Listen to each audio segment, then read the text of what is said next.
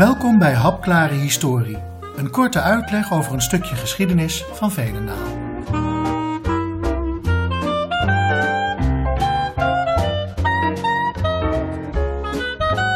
Deze lezing gaat over het verzet, de laatste oorlogsmaanden en de bevrijding.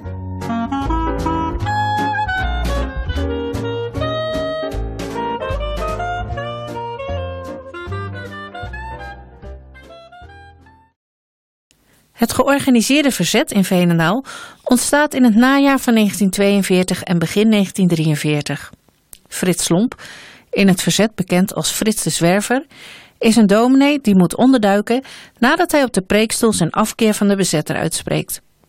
Samen met Helene Kuipers-Rietberg, oftewel Tante Riek, zoals ze in het verzet heet, komt hij op het idee een organisatie op te zetten die onderduikers hulp gaat bieden. Hij trekt van dorp tot dorp om plaatselijke organisaties op te zetten. Hij wordt in Veenendaal uitgenodigd door Ad van Schuppen, zoon van een van de oprichters van de ritmeester. Op de eerste bijeenkomst zijn negen mensen aanwezig, maar vijf van hen trekken zich dezelfde avond nog terug. De vier overgebleven mannen, Ab van Triet, Dirk van Beek, Jaap Spruit en Ab van Schuppen, vormen samen de LO Veenendaal. Verantwoordelijk voor Veenendaal, Renen, Amerongen, Elst, Achterberg, Renswoude en Scherpenzeel. En alsof dat nog niet genoeg is, groeit het werk in april 1943 ook nog eens explosief als de Duitsers het Nederlandse leger krijgsgevangen willen maken. In Venendaal was nog een verzetsgroep actief, de Knokploeg, of KP Venendaal.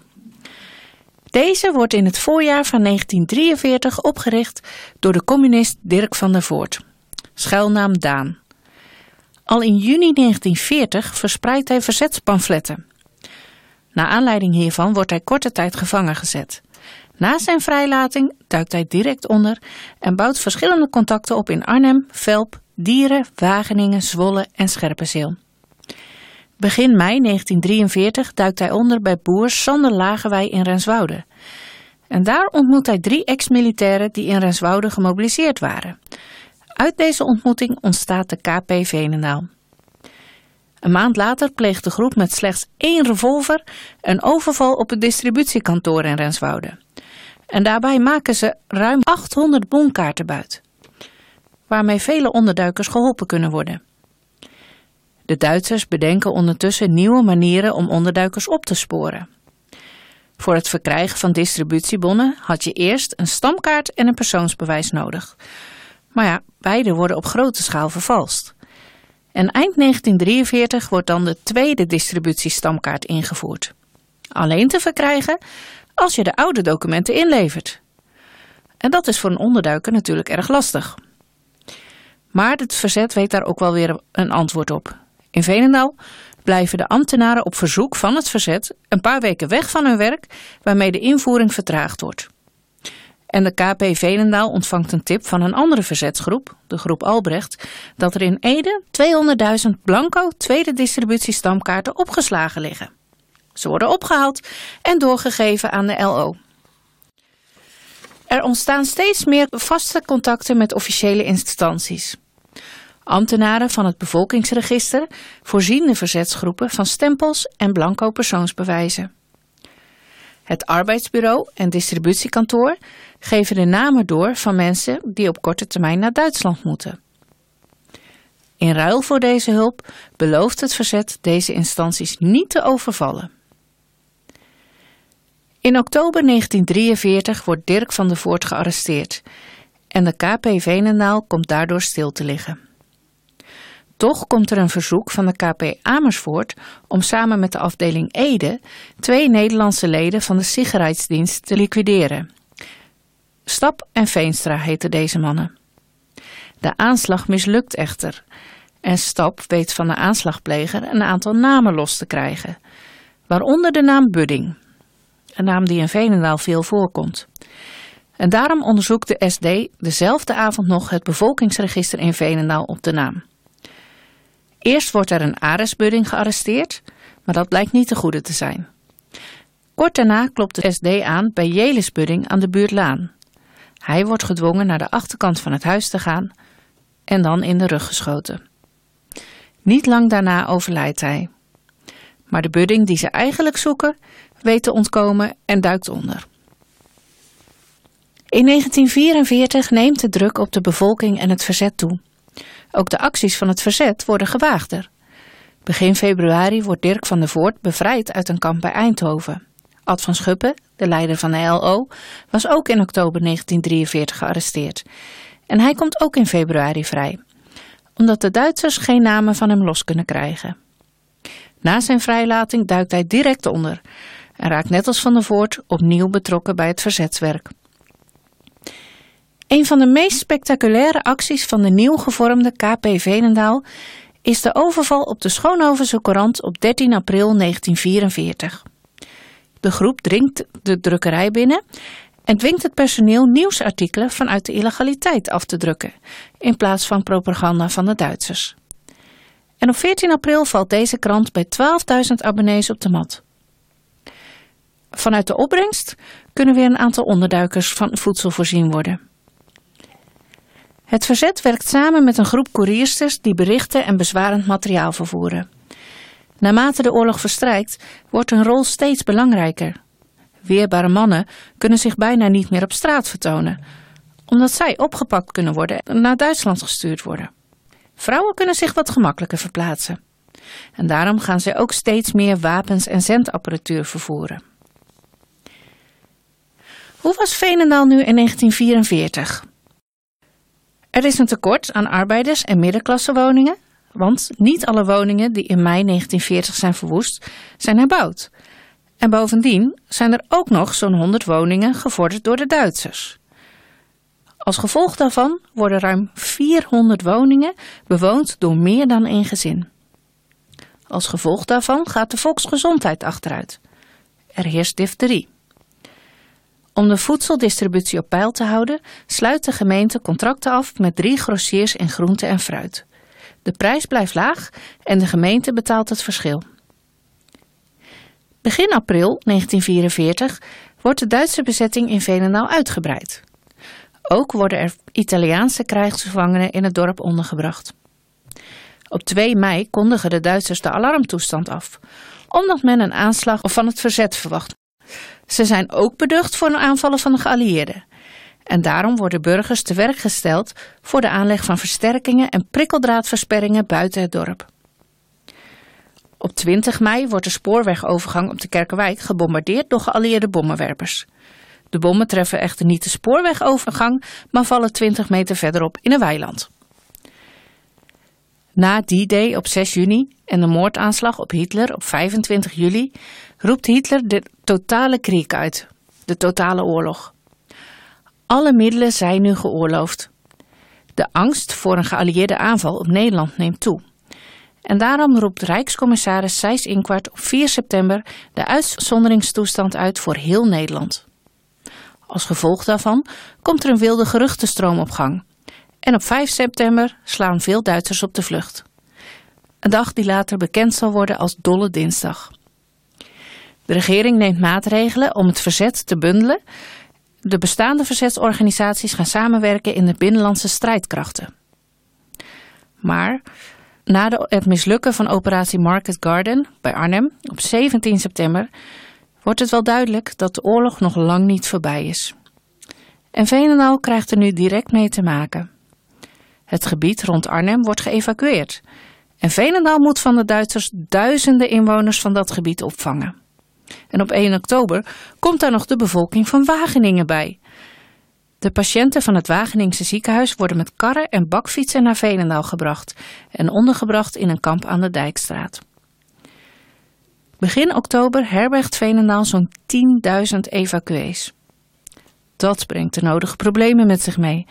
Het dorp zelf telt op dat moment rond de 16.000 inwoners. Dan zijn er nog de Duitsers, de Italiaanse krijgsgevangenen, een onbekend aantal onderduikers en 10.000 evacuees. Waar haal je zoveel eten vandaan? Veel mensen kunnen niet meer rondkomen en in de Frisia-fabriek aan de Kerkwijk, op de plaats van het huidige theater De Lampegiet, wordt een gaarkeuken ingericht. Een evacuatiecommissie moet beslissen waar mensen ondergebracht worden. Inwoners mogen zelf best bekenden en familie in huis nemen, maar Als de evacuatiecommissie nog meer mensen toewijst, moeten die erbij, of je wil of niet. Dat is allemaal niet genoeg en daarom wordt er naast het kamp in de Dijkstraat ook nog een kamp in Overberg ingericht. Op 5 oktober 1944 bombarderen een aantal geallieerde vliegers een trein bij station Veenendaal de Klomp. Een van de vliegtuigen wordt geraakt door eigen vuur en stort neer op een schoolplein. De 22-jarige vlieger Harold Wakeman komt daarbij om het leven. Hij wordt begraven in Veenendaal. En ieder jaar op 5 oktober is er nog steeds een herdenking bij zijn graf. In de nacht van 8 op 9 november wordt de spoorlijn naar Utrecht net buiten Veenendaal opgeblazen. De gemeente moet een forse boete betalen, maar gelukkig blijven verdere vergeldingsacties uit. Een dag later wordt het kamp van de Italiaanse krijgsgevangenen aan de Middelbuurtse weg beschoten. Daarbij komen vijf soldaten om. Er vallen ook burgerslachtoffers. Op 11 november beschieten de geallieerden een voedseltransport op de Kerkenwijk. Voerman Maas Muller overleeft het niet. Nog een paar dagen later gaat Marietje van Ravenswaai, net negen jaar, samen met haar oudere broer en zus van hun huis aan de Polderweg naar het centrum om een verjaardagscadeau voor een andere broer te kopen. Onderweg loopt Marietje in een droge sloot naast de weg. Een Duitser die dit ziet, denkt dat ze een Joods kind is die zich probeert te verstoppen en hij schiet haar zonder pardon neer. Hij geeft dit later wel toe, maar op haar overlijdensakte staat dat zij door een ongeluk met een vuurwapen om het leven is gekomen. November is een zwarte maand. Op 18 november vervoeren een groep verzetsmensen uit Renen een motorfiets die ze in Achterberg buitgemaakt hebben. Als ze op een Duitse militair stuiten, ontstaat er een vuurgevecht. De Duitser overleeft en weet zijn superieuren te melden dat een van de mannen een politieuniform droeg. De Venendaalse politie wordt ter verantwoording geroepen. Als de daders zich niet melden, zullen een aantal mensen gefusilleerd worden. Niemand meldt zich, want er is geen Venendaalse agent bij betrokken. Op de 20ste worden zes mensen uit verschillende strafgevangenissen gehaald en naar de bossen van Prattenburg gebracht. Op de hoek van de Oude Veense Grindweg en de Venendaalse Straatweg worden zij geëxecuteerd. En als voorbeeld voor de bevolking moeten hun lichamen daar 24 uur blijven liggen. Later wordt daar een monument opgericht en ook daar is nog ieder jaar een herdenking, zowel op 4 mei als op 20 november. En dan 21 november is een zwarte dag voor het verzet. Het begint met de arrestatie van een koerierster in Ede. Zij heeft belastende papieren bij zich en een foto van haar Venendaalse verloofde, Van Doorn. Door de informatie die ze bij zich heeft, komt een keten van arrestaties op gang. Verschillende koeriersters en andere verzetsmensen worden opgepakt. Uiteindelijk leidt het spoor via Venendaal naar Utrecht, waar op 21 november een vergadering van de Binnenlandse Strijdkrachten plaatsvindt. Alle aanwezigen worden gearresteerd. Uiteindelijk komen van al die mensen die in die dagen opgepakt zijn slechts drie mensen terug. De couriersters Nonnie van der Bos en Truus van Kijk, Kuik en LO-leider Ad van Schuppen. Ad van Schuppen wordt door zijn familie met jenever en sigaren vrijgekocht. Alle anderen worden gefusilleerd of komen om het leven in concentratiekampen. Die winter van 1944-1945 is nog steeds bekend als de hongerwinter. Terwijl het zuidelijk deel van het land al vrij is, snijden de Duitsers de voedseltoevoer naar het westen af. Vanuit West-Nederland maken velen de lange tocht te voet om aan eten te komen. In Venendaal is de situatie nog niet helemaal zo erg, maar toch ook verre van rooskleurig. Er is een gaarkeuken in de Frisia-fabriek en er zijn vele afnemers. Ook op andere manieren laat de oorlog zich voelen. Het bevolkingsregister van Veenendaal wordt overgebracht naar Utrecht op last van de Duitsers, zodat alle weerbare mannen geregistreerd kunnen worden. Een plaatselijke verzetsgroep grijpt, grijpt zijn kans en steelt op 16 januari 1945 alle nieuwe persoonsbewijzen uit het gemeentehuis. Als gevolg daarvan moet iedere inwoner naar het gemeentehuis komen, want er is immers geen bevolkingsregister. Het bestaande persoonsbewijs moet afgestempeld en geregistreerd worden. Er zijn strenge eisen. De burgemeester van Kuik en lokale burgemeester J.H. van Schuppen zien erop toe dat de registratie volgens de eisen gebeurt en stempelen de persoonsbewijzen zelf af. Toch zijn er een paar ambtenaren die het proces weten te saboteren. En uiteindelijk blijkt de hele registratie waardeloos te zijn. Ondertussen gaat de stellingbouw rond Veenendaal door. In maart werken er een kleine 4500 mensen aan de stellingen rond Veenendaal. Er is een spertijd. Na acht uur mag niemand meer buiten zijn. Het zal zo'n vaart niet lopen, denken sommige mensen. Zo ook Teunis Dijkhorst. Op 26 maart is hij s'avonds in zijn tuin aan de Prins Bernhardlaan aan het werk. Hij wordt zonder pardon doodgeschoten. Ook Aart Vink aan de Gortstraat. Hij is ook aan het tuinieren. Een Duitser ziet hem staan, fietst de straat in, stapt af, schiet hem dood en fietst verder. En er volgt geen proces. In maart beginnen de Canadezen met een offensief om Duitse troepen in Nederland af te snijden van de toevoerlijnen uit Duitsland. Op 16 april is de hele grensstrook in geallieerde handen. De Betuwe wordt bevrijd en dan steken de geallieerden de Rijn over in de operatie Quick Anger om Arnhem te bevrijden en van daaruit de Veluwe. Als gevolg van deze ontwikkelingen komen er steeds meer terugtrekkende Duitse troepen in deze regio aan. Op 10 april worden er 200 soldaten van de 34e SS Waffe Grenadiersdivision in Veenendaal gelegerd. Deze divisie is een samenraapsel van vrijwilligers uit andere legeronderdelen. Het kader en de leiding is Duits, de troepen zijn Nederlandse vrijwilligers. Op 17 april 1945 wordt Ede bevrijd. Dezelfde dag wordt in Veenendaal de uitzonderingstoestand uitgeroepen. Inwoners mogen nog slechts van 10 tot 11 uur de straat op om water te halen. Elke vorm van bijeenkomst is per direct verboden. Wie zich daar niet aan houdt, loopt het risico direct doodgeschoten te worden. Als een Nederlander een Duitser dood of verwond, worden ter vergelding 250 personen uit de burgerbevolking doodgeschoten. Als gevolg van deze maatregelen zit de schrik te goed in. Dan wordt het 19 april. Smiddags om drie uur barst er een granaatvuur over het dorp los. Op de Vendelseweg, Munnikenweg, Gortstraat, Benedeneind, Kastanjestraat en Emmalaan vallen doden en gewonden. Het Rode Kruis is inmiddels verboden. Maar een paar leden trekken zich daar niets van aan en gaan toch de straat op om hulp te bieden. Later vragen zij toestemming aan burgemeester Van Kuik. Van de gemeente krijgen ze dan witte helmen en witte overals. Zo komt deze groep aan hun naam, de Witte Brigade. En tot aan de bevrijding fungeren zij als een soort ambulancedienst, vaak in zeer moeilijke omstandigheden. Met twee bakfietsen vervoeren zij zieken en gewonden naar het noodziekenhuis onder de scheepjeswolfabriek. Na een paar dagen rust wordt het dorp op 24 april opnieuw beschoten.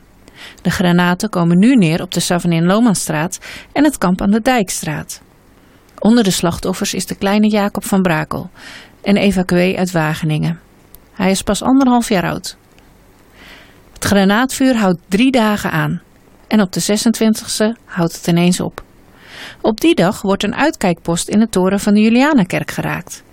Dus misschien was dat de reden dat het dorp beschoten werd. Uiteindelijk kost het granaatvuur aan zo'n 30 burgerslachtoffers en een handvol Duitse militairen het leven. Na die 26 april breekt er een vreemde stilte aan. De inwoners van Veenendaal mogen nog steeds nauwelijks de straat op, maar de geruchten gaan wel door. Dat de oorlog bijna afgelopen is, is wel duidelijk. Maar de bevrijding van Veenendaal laat nog op zich wachten. Waarom komen de geallieerden niet? Zij hebben informatie dat Veenendaal goed verdedigd zal worden. De geallieerden weten dat de SS-divisie er is, maar niet om hoeveel soldaten het gaat. Volgens de inlichtingen die zij hebben, zou het om 4.000 tot 5.000 soldaten gaan. En ook zij weten dat de oorlog op het eind loopt. En ze willen niet onnodeloos mensenlevens opofferen. Ondertussen zaaien de SS'ers veel angst in het dorp. De Duitse leiding is inmiddels grotendeels gevlucht. Maar de Nederlanders schieten op ieder die zich op straat durft te begeven. Vanuit een smalle strook grond bij Prattenburg gaan ze het nog het gevecht aan met de geallieerden.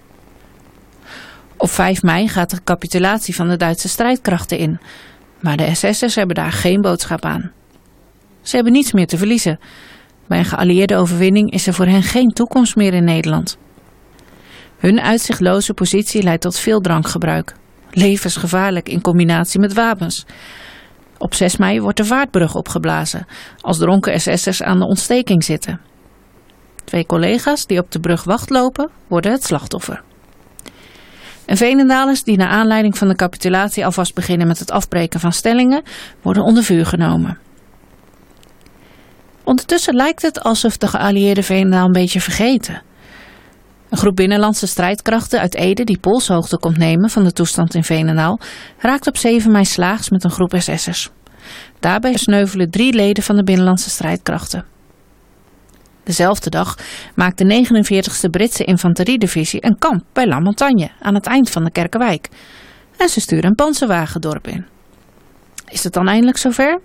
Nee, de wagen gaat net zo hard weer terug en er gebeurt niets. Een dag later gaat de Witte Brigade met de lichamen van twee oorlogsslachtoffers naar Ede. Ze keren terug met de bakfietsen volgeladen met voedsel. Maar in Veenendaal heersen nog steeds de SS'ers. Woensdag 9 mei begint dan eindelijk een feeststemming door te breken. Zou het dan nu eindelijk zover zijn? De Britse majoor George Lockett maakt die dag met zijn jeep een verkenningstocht door Veenendaal. In de veronderstelling dat het dorp al vrij is. Tot zijn verbijstering vliegen op de nieuwe weg ineens de deuren open en stromen mensen naar buiten om de bevrijding te vieren. Hij heeft de grootste moeite om mensen van de jeep af te krijgen. Zijn chauffeur krijgt het doodsbenauwd en maakt gauw rechtsomkeert. Terwijl de chauffeur op de basis in de klomp loopt te mopperen over de crazy people in Venendaal, krijgt het opdracht om met vier tanks naar Venendaal te gaan, want het dorp is nog helemaal niet vrij. Nu snapt hij het. Met vier tanks keert hij terug en begint aan de zuivering. Op woensdag 9 mei om kwart voor vijf s middags is het dorp eindelijk vrij. Diezelfde dag, 9 mei 1945, beginnen de binnenlandse strijdkrachten met het arresteren van NSB'ers, terwijl de geallieerde soldaten de laatste Duitse en Nederlandse SS'ers opsporen. Burgemeester Van Kuik wordt per direct op non-actief gezet, vanwege een te pro-Duitse houding. Van Kuik is het er niet mee eens. Hij zegt, als ik het niet gedaan had, was er iemand anders gekomen en dan was de situatie nog erger geweest. Hij moet de beslissing toch accepteren. Loco-burgemeester J.H. van Schuppen wordt beëdigd als waarnemend burgemeester. Opgepakte NSB'ers worden door de straten van Venendaal gevoerd en naar El Tito gebracht aan de Fluiterstraat om verhoord te worden. Daarbij wordt soms wel geweld gebruikt. Misschien ook wel begrijpelijk na al die jaren onderdrukking. En ook in Venendaal worden moffenmeiden kaal geschoren. En in sommige gevallen moeten ze op hun knieën de markt opkruipen. Op de markt breekt een groot feest los. NSB-vlaggen worden verbrand, het portret van Hitler wordt verbrand. En dagenlang weten mensen niets anders te doen dan feestvieren en juichen, omdat de bevrijding er eindelijk is. Voor de NSB'ers die opgepakt worden is het iets minder feest. Na het verhoor worden ze ondergebracht in de leegstaande fabrieken. Die hebben toch niets te doen omdat er geen materiaal is. Dus daar worden ze naartoe gebracht, mannen en vrouwen gescheiden. En een week verblijven daar al 243 mensen. Zijn ze echt allemaal fout geweest? Dat is de grote vraag. Na verloop van tijd worden verschillende weer vrijgelaten, omdat het toch om valse aanklachten blijkt te gaan of omdat er geen bewijs is. Degenen die wel schuldig zijn aan misdaden worden doorgevoerd naar de vroegere kampen in Vught en Amersfoort. Het zal nog maanden duren voor het gewone leven in Veenendaal weer op gang komt. De dagelijkse leiding is niet in handen van de gemeenteraad, maar van het militair gezag. Er heersen veel besmettelijke ziekten en er is veel te weinig voedsel. De slachtoffers van de beschietingen worden allemaal tegelijk begraven op 17 mei. Helaas vallen er nog meer slachtoffers. Op 18 mei gaan drie jongens van 15 op onderzoek uit in een bunker in de klomp, vlak bij het spoorviaduct. Drie jongens van 18 die net langs fietsen weten dat er munitie opgeslagen wordt. Twee van hen besluiten de anderen te waarschuwen, maar ze komen te laat. Net als ze bij de ingang zijn, klinkt er een enorme klap en alle vijfde jongens vinden de dood. Maar ook zij zijn niet de laatste slachtoffers. Nog in september 1945 rijdt een vrachtwagen met arbeiders op een landmijn op de Vijgendam. Er vallen drie doden. Het lot van alle inwoners die naar de kampen gevoerd zijn blijft lang onbekend. De al kleine Joodse gemeenschap is na de oorlog helemaal gedecimeerd. Slechts tien mensen komen er terug. Andere Venendalers die in de kampen terechtgekomen zijn, vinden soms de dood bij de bevrijding of aan ziekte. En soms is het helemaal niet duidelijk wat er met ze gebeurd is. Op 19 november 1945 vertrekken de Canadezen. Na hun vertrek wordt er een noodgemeenteraad geïnstalleerd die bijna een jaar in functie zal blijven.